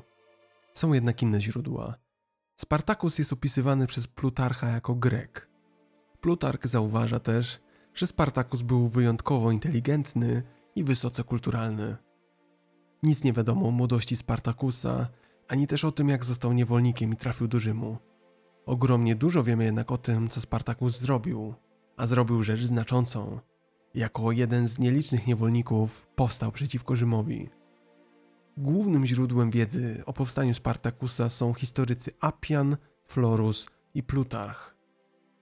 Owi trzej historycy korzystali zaś z wcześniejszych prac prowadzonych przez Salustiusza i Tytusa Liviusza. Można zatem powiedzieć, że wiedza o Spartakusie to owoc wspólnej, wielowekowej pracy. Jeszcze inny historyk, piszący w czasach Hadriana, Lucius Anneusz Florus, dodaje do historii wątek sensacyjny. Twierdzi on, że Spartacus był rzymskim najemnikiem w legionach, który to został uwięziony za dezercję i rabunek i wybrany na gladiatora dzięki swojej sile. Tej narracji wtóruje Appian. Według Appiana Spartacus był trakiem, który kiedyś walczył z Rzymianami, a po wzięciu do niewoli i sprzedaży stał się gladiatorem. Plutarch podaje podobny opis Spartakusa jako najemnik dla Rzymu, który został schwytany wraz z żoną po dezercji.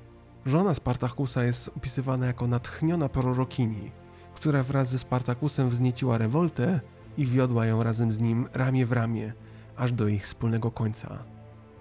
Niezależnie od tego skąd pochodził Spartakus, Niezależnie od tego, jak został schwytany i z jakich powodów, wiemy jedno. Jego doskonałe szkolenie wojskowe i muskularna budowa ciała uczyniły z niego idealnego kandydata na arenę gladiatorską. Wszystkie starożytne źródła opisują Spartakusa jako wysokiego i wyjątkowo silnego. Wiemy, że został kupiony przez trenera Lentulusa Batiatusa i wysłany do szkoły gladiatorów na południu od Rzymu, w Capui, niedaleko Neapolu, bardzo blisko jest stamtąd do Pompeji i majestatycznego Wezuwiusza. Szkoła Lentulusa Batiatusa, tak jak i inne szkoły gladiatorskie, słynęły z surowego traktowania niewolników, aby dobrze przygotować ich do walk gladiatorskich. Owa dyscyplina miała na celu złamanie woli jednostki i zaszczepienie bezwzględnego posłuszeństwa. To właśnie od zesłania do szkoły stało się jasne, że Spartakus był inny niż pozostali niewolnicy. Nie udawało się go złamać. Bity, ciemiężony, ciągle zachowywał hard ducha. To oczywiste, że nie zachowały się jakiekolwiek pamiętniki czy listy Spartakusa. Nie wiemy zresztą nawet, czy był piśmienny. Wiemy natomiast, że w 73 roku przed naszą erą Spartakus i kilku innych spiskowców obmyśliło plan ucieczki z kompleksu szkoły gladiatorskiej i udania się na północ ku wolności.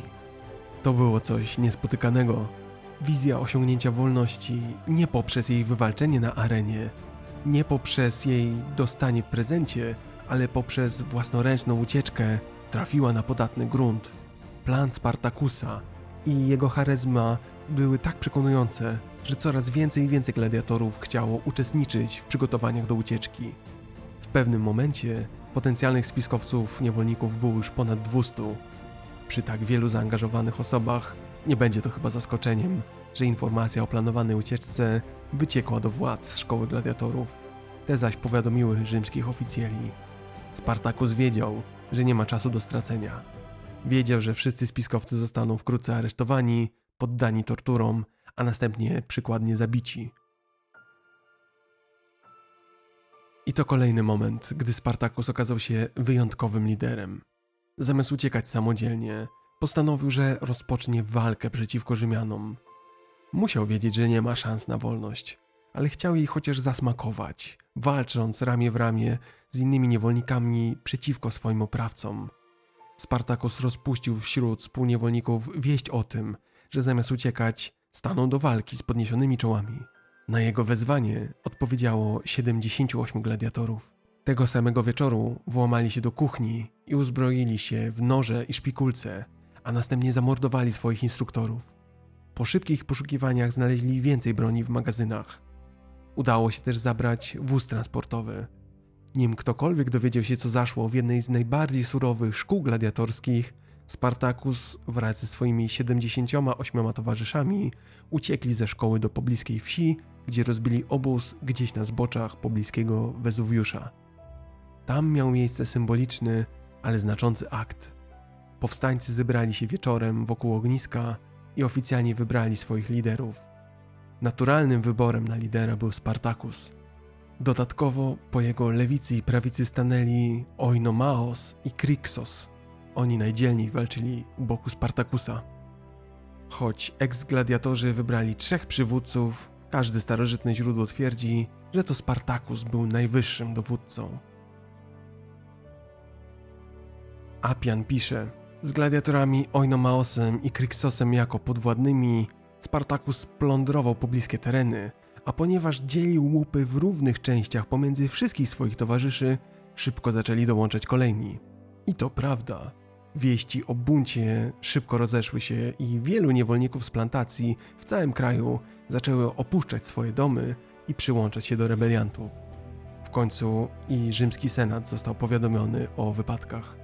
To jak wiemy nie było pierwsze powstanie niewolników, a wszystkie poprzednie były rozbijane. Dlatego senat zupełnie nie przejął się i powstaniem Spartakusa. Aby przywrócić porządek, wysłano rzymskiego dowódcę Gajusza Claudiusa Glabera wraz z jego oddziałami. Wojska Gajusza były nowo zrekrutowane, nieprzećwiczone w boju. Rozbicie buntu niewolników wydawało się idealnym zadaniem treningowym. Niewolnicy wszak nie mogli wiedzieć nic o taktyce wojskowej, prawda? Ach, gdyby tylko wiedzieli, że niewolnikami dowodzi były żołnierz armii rzymskiej. Glaber dotarł do koczujących na szczycie wzgórza niewolników. Otoczył ich obóz na zboczu góry, trzymając ich w zamknięciu i przygotowywał się do ostatecznego natarcia. Góra ta była jednak gęsta od gałęzi winorośli, a to genialnie wykorzystał Spartacus. Nakazał swoim ludziom utkać winorośl w prowizoryczne drabiny, dzięki którym mogli zejść z góry poprzez klif, którego Glaber nie zabezpieczał, sądząc, że nie ma możliwości, aby powstańcy wydostali się akurat z tamtej strony. Nocą, powoli, niewolnicy otoczyli obóz rzymskich wojsk. Na znak Spartakusa ruszyli do ataku. To była istna rzeź. Rzymianie w ogóle nie spodziewali się ataku z zaskoczenia, padali jeden po drugim w popłochu. Morale wojsk rzymskich wyparowało, a jednocześnie powstańcy z każdym zabitym Rzymianinem czuli, jak ich siła wzmaga się, jak ich powstanie faktycznie zaczyna mieć szansę na powodzenie. Gdy w końcu nie został przy życiu żaden Rzymianin, powstańcy zebrali pozostawioną broń, zbroję, jedzenie i picie. Celebracjom nie było końca. Gdy do Senatu dotarła wiadomość o sromotnej porażce Glabera, początkowo nikt nie mógł uwierzyć w to, że byli niewolnicy rozgromili, bo inaczej nie można było tego określić, dumne wojsko rzymskie. Skonsternowani senatorzy zdecydowali się wysłać kolejny oddział. Dowodził mu Publiusz Varinius, pretor i prokonsul. Varinius był dużo bardziej doświadczonym strategiem. Pomny klęski Glabera zdecydował się podzielić swoje siły, być może mając nadzieję, że złapie wroga w imadle i zmiażdży go. Po kilku dniach Varinius stanął wreszcie naprzeciwko powstańcom Spartakusa. Nie wiemy do końca, jak potoczyła się walka, ale jakikolwiek był plan Variniusa, jego niepowodzenie było spektakularne. Zwycięstwo Spartakusa było tak całkowite, że Varinius stracił nawet swojego konia, na którym jechał do walki. To już nie było tylko zwycięstwo militarne. Upokorzenie Rzymian dwa razy pod rząd sprawiło, że wieść o powstaniu Spartakusa zaczęła zataczać bardzo szerokie kręgi. Do wielu innych niewolników docierała wiadomość, że gdzieś w imperium jest były niewolnik, który prowadzi innych powolność i którego lękają się Rzymianie. Po tych dwóch wielkich zwycięstwach Spartakusa coraz więcej niewolników opuszczało swoje domy i przyłączało się do buntu. Senat rzymski zdawał sobie sprawę, że poważnie nie docenił Spartakusa. Według ówczesnych szacunków dowodził on już armią ponad 70 tysięcy byłych niewolników. Sprawa stała się bardzo poważna. Wezwano zatem dwóch doświadczonych konsulów, Publikole i Clodianusa, by poprowadzili swoje siły przeciwko Spartakusowi. Spartakus kontrolował wówczas tereny wiejskie, a nowi buntownicy napływali do niego codziennie. To zaś ośmielało powstańców, którzy zaczęli atakować pomniejsze rzymskie miasta. Nie było wątpliwości, że gdyby Spartakus zdecydował się ruszyć na stolicę, stanowiły dla niej ogromne zagrożenie. Spartakus jednak nie miał zamiaru maszerować na Rzym. Przeciwnie, poprowadził swoją armię na północ, aby przeprawić się przez Apeniny i pozwolić swoim zwolennikom wrócić do swoich rodzin i domów, aby mogli cieszyć się z nowo odzyskanej wolności. Niestety wówczas do Spartakusa dołączyło już tak wielu niewolników, że niemożliwe było poruszanie się sprawnie tak wielką gromadą. Dlatego podzielił swoje siły na dwie armie i umieścił swojego zastępcę, Krixosa, na czele jednej z tych armii. To właśnie wtedy doszło do starcia z Publikolą i Clodianusem. Wojska rzymskie pod dowództwem Publikoli zaatakowały siły Krixosa, podczas gdy Clodianus uderzył na kontyngent Spartakusa. Siły Krixosa doznały ciężkich strat, Publikola bowiem był znakomitym dowódcą. W międzyczasie Spartakus pokonał jednak Clodianusa, a następnie ruszył z odsieczą i w ostatniej chwili uratował armię swojego współtowarzysza z masakry, jaką zgotował im Publikola. Niestety Spartakus dotarł za późno, by ocalić samego Krixosa. Poległ on w bitwie. Widok upadłego towarzysza rozsierdził Spartakusa. Była to pierwsza znacząca porażka.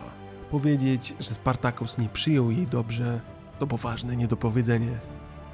Aby dać Rzymianom czytelny znak, rozkazał zabić 300 pojmanych rzymskich jeńców. Tego jednak było mu za mało, aby ukoić ból po stracie Kryksosa. Zorganizował zatem własne pokazy gladiatorów, nakazując walczyć ze sobą pozostałym jeńcom rzymskim. Następnie spalił wszystkie wozy i zapasy, których nie mógł użyć i pomaszerował w kierunku Rzymu. W tamtym momencie, nawet pomimo tej porażki, pod swoim dowództwem Spartakus miał ponad 120 tysięcy niewolników, chłopów i eksgladiatorów. Najprawdopodobniej przez chwilę Spartakus chciał ruszyć na sam Rzym. Chłodna kalkulacja była jednak bezlitosna. Choć stał na czele 120 tysięcy ludzi, to nie miał żadnych maszyn oblężniczych, aby skutecznie atakować stolicę imperium. Plan ucieczki z siłami na północ był już zaś nierealny, gdyż zbliżała się zima, która na północy Włoch jest bardzo chłodna. Dlatego też stale rosnąca armia byłych niewolników maszerowała teraz na południe. Dochodził trzeci rok powstania. Niepojęte. Rzymianie wiedzieli, jakie spustoszenie czyni Spartakus. Wkrótce wysłali naprzeciwko niemu kolejne dwie armie. Na próżno. Niewolnicy rozgromili je obie. Apian pisze: Choć na początku wyśmiewana i uważana za trywialną, obecnie wojna z pozostałymi niewolnikami trwała już trzy lata i budziła wielkie zaniepokojenie. Faktycznie, wyobraźcie sobie to tylko. Żyjecie i mieszkacie w dużym mieście, a jednocześnie macie świadomość, że tuż za jego murami od trzech lat można w każdej chwili natknąć się na setki tysięcy niewolników, którzy za swój życiowy cel uczynili rewanż wobec swoich ciemiężycieli, czyli was. Armia rzymska była bezsilna. Niewolnicy byli zaś szkoleni przez Spartakusa i coraz sprawniej posługiwali się taktyką na polu bitwy. Senat nie mógł już dłużej czekać. Powołał nowego naczelnego dowódcę armii, Marka Licyniusza Crassusa. Crassus był znanym i cenionym politykiem i wodzem.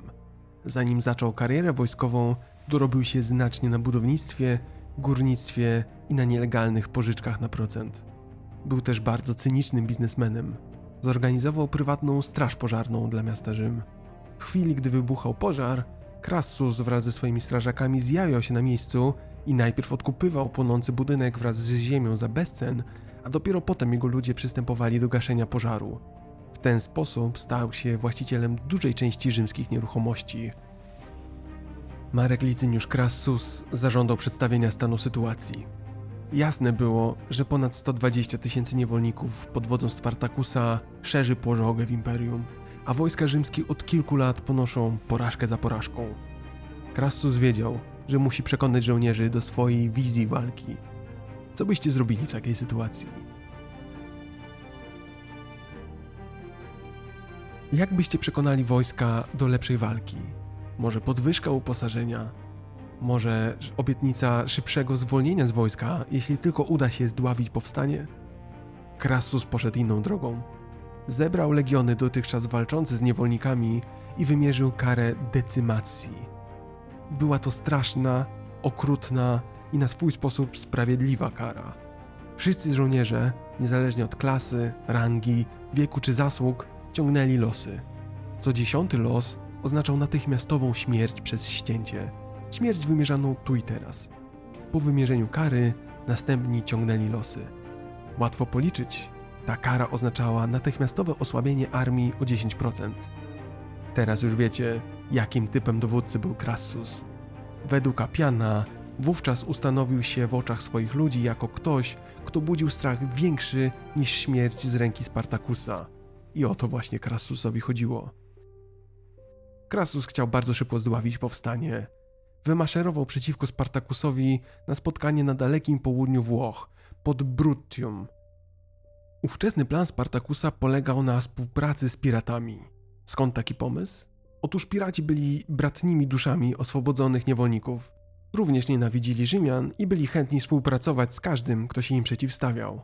Spartakus przedstawił im plan, aby przejąć okupowaną przez Rzymian Sycylię i uczynić ją wolną krainą dla wszystkich nowo wyzwolonych. Niestety, ten plan miał wkrótce zawieść. Piraci mieli spotkać Spartakusa na wybrzeżu Bruttium, ale nigdy nie przybyli.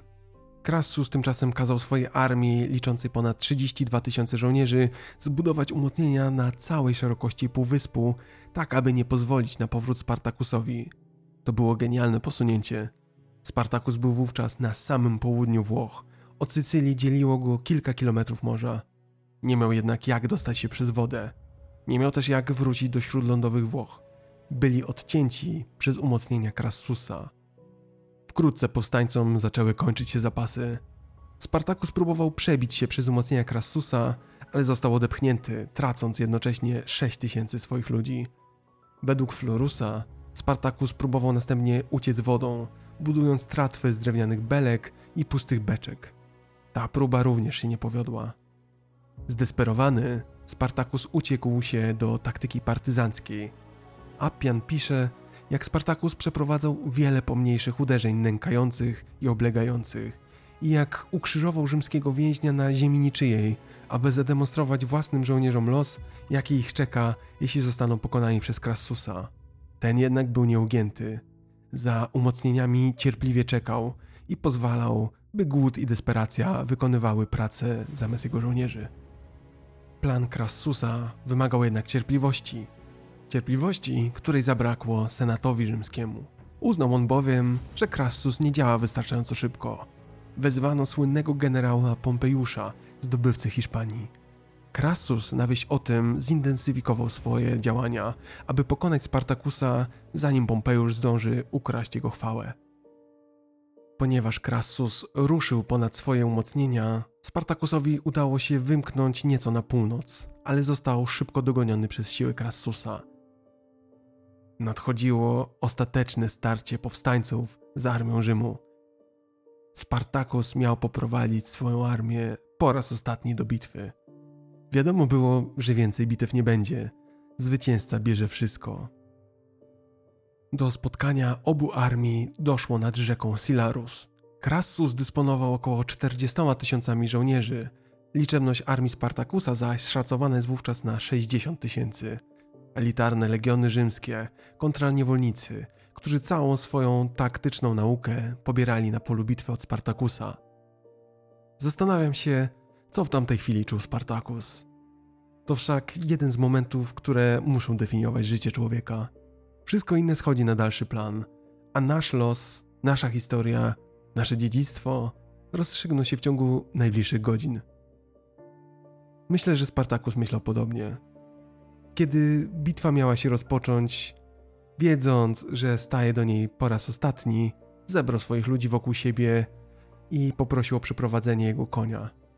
Dobył miecza i zabił go, mówiąc, że jeśli zwyciężą, odbiorą Rzymianom dużo lepsze konie, a jeśli przegrają, to i tak nie będą potrzebować koni w ogóle. Trudno bardziej czytelny symbol tego, że nadciągała definitywna, decydująca walka. Spartakus ustawił swoje wojska w linii, najsilniejsze oddziały umieszczając w centrum, a lżej zbrojnych i jazdę na skrzydłach. Rzymianie stanęli zaś przed obozem, przed którym wykopali wcześniej głębokie rowy.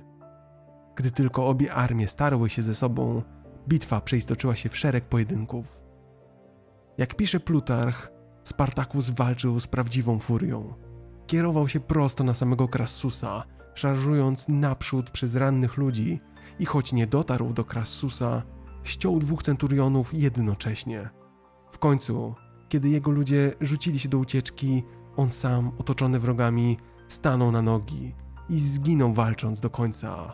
Apian pisze: Spartakus został raniony włócznią Wudo, ale padł na jedno kolano, trzymając przed sobą tarczę i walczył z napastnikami, aż on i duża liczba jego popleczników zostały otoczone i padły. Florus napisał: Spartakus poległ tak samo, jak został liderem, stając w pierwszym szeregu i do ostatniego tchnienia inspirując innych. Ciała Spartakusa nigdy nie odnaleziono. Sześć tysięcy ocalałych niewolników z armii Spartakusa zaś zostało ukrzyżowanych wzdłuż drogi apijskiej z Rzymu do Kapui, a ich ciała pozostawiono, by gniły przez lata jako ostrzeżenie dla przyszłych powstań niewolników. Życie Spartakusa zgasło wraz z wygaśnięciem powstania. Jednak historia Spartakusa miała dopiero się rozpocząć. Powstanie niewolników powszechnie uznano w Rzymie za hańbę, a fakt, że Spartakus tak długo i dzielnie stawiał opór, był szczególnie trudny dla rzymskiej dumy. Pomimo tego zaczęła dziać się rzecz dotąd niespotykana. Ton ówczesnej narracji, zwłaszcza relacji Plutarcha, zaczął być pełen podziwu. Ilekroć pisarze wspominają zwycięstwa Spartakusa, a zwłaszcza relacjonując jego śmierć, da się wyczytać uznanie, podziw, respekt. Jest w tym coś niesamowitego, coś czego wcześniej nie dostrzegamy w rzymskich zapisach. To właśnie te narracje zainspirowały późniejszych artystów do przedstawiania Spartakusa jako bojownika o wolność, walczącego z niesprawiedliwą potęgą Rzymu, walczącego by położyć kres niewolnictwu. A przecież żadna ze starożytnych relacji nie daje podstaw do takich wniosków. Historycznie prawdziwe jest wyłącznie to, że Spartakus był gladiatorem, który szukał wolności i został przywódcą buntu niewolników. Z biegiem lat jednak zyskał status bojownika o wolność i bohatera. Prawdziwy rozkwit mitu Spartakusa jako buntownika walczącego o wolność rozpoczął się pod koniec XIX wieku. Wtedy to miała premiera francuska tragedia Spartacus, napisana przez Bernarda Josepha Soreę w 1760 roku naszej ery. Soreę inspirował się zapisami Plutarcha oraz dopowiadał sobie pewne przemilczane kwestie w historii Spartakusa. Premiera tej sztuki jeszcze bardziej napędziła mitologiczną niemal już wizję Spartakusa. W literaturze, historiografii i w przemówieniach politycznych Spartakus zaczął być wywyższany do rangi idealizowanego orędownika uciśnionych i zniewolonych. Bardzo popularna sztuka Sorę została wznowiona w 1792 roku po rewolucji francuskiej, a posągi Spartakusa zaczęły pojawiać się we Francji już w 1830 roku. Historię Spartakusa podjął następnie włoski powieściopisarz Raffaello Giovannoli w 1874 roku w swojej powieści Spartacus. W niej to rysował paralele między starożytnym trackim gladiatorem a ówczesnym generałem Giuseppe Garibaldim, który zjednoczył Włochy w latach 60. XIX wieku. Spartacus później był również porównywany z Toussaint Louverture, przywódcą haitańskiej rewolucji przeciwko rządom francuskim. Nadszedł XX wiek, a z nim początek telewizji. Powieściopisarz Howard Fast napisał swoją powieść historyczną Spartacus w 1951 roku, która to wpadła w ręce początkującego wówczas reżysera. Może kojarzycie takie nazwisko jak Stanley Kubrick? W 1960 roku nakręcił on film Spartacus. Słynna scena pod koniec filmu, gdy Spartacus woła Jam jest Spartacus, była interpretowana przez krytyków jako wezwanie do solidarności i do przeciwstawiania się uciskowi. Film Kubricka dostał cztery Oscary i do dziś jest bardzo dobrze recenzowany. I oto nadszedł XXI wiek. Kolejno powstawały zarówno filmy telewizyjne jak Spartacus w 2004 roku, jak i serial Spartacus z lat 2010-2013. Wizja Spartakusa jako romantycznego, dobrego, silnego i charyzmatycznego lidera, lidera uciśnionych i ubogich, stała się już powszechna. Dziś Spartacus jest podziwiany jako inspirująca postać dla każdej uciskanej albo niesprawiedliwie marginalizowanej grupy w społeczeństwie, czy to poprzez rasizm, seksizm czy homofobię. Samotna jednostka przeciwstawiająca się opresyjnej potędze większości. Buntownik walczący przeciwko niesprawiedliwemu systemowi praw i uprzedzeń. To wszystko symbolizuje dziś Spartacus. Uczony Erich Grön pisze: Żadne ze źródeł nie wskazuje na to, by Spartacus kierował się ideologiczną troską, by obalić ówczesną rzymską strukturę społeczną. Spartacus usiłował po prostu wyprowadzić swoje siły z Italii w kierunku wolności, a nie reformować albo odwracać społeczeństwo rzymskie. Pamiętajmy jednak, że nie zmienia to oceny osiągnięć Spartakusa. Odwaga, wytrwałość i umiejętności trackiego gladiatora, który w nieco ponad dwa lata z garstki niewolników zbudował armię 120 tysięcy ludzi, mogą wzbudzać jedynie podziw. Dziedzictwo Spartakusa jest ogromne i na co dzień się z nim stykamy, choć często nawet nie zdajemy sobie sprawy. Cały czas funkcjonuje na przykład wiele klubów sportowych na całym świecie, nazwanych na cześć rzymskiego gladiatora, na przykład FC Spartak Moskwa. W czasach nowożytnych Spartakus stał się ikoną komunistów i socjalistów. Karol Marx wymieniał Spartakusa jako jednego ze swoich bohaterów. Określał go jako najwspanialszego człowieka w całej starożytnej historii, wielkiego generała, szlachetnego charakteru, prawdziwego przedstawiciela antycznego proletariatu.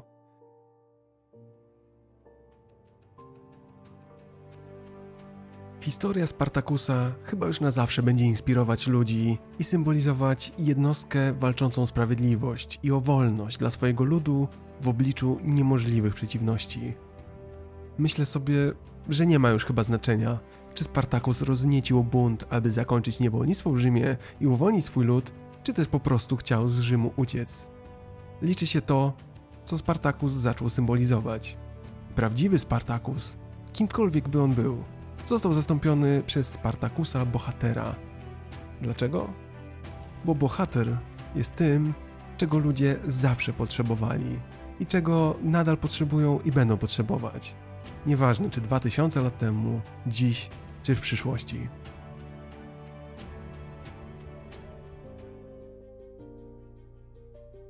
Moi drodzy, bardzo dziękuję za wysłuchanie. Jeśli tylko macie taką możliwość, zajrzyjcie na mój profil Patronite. Za każde, nawet najdrobniejsze wsparcie, pięknie dziękuję.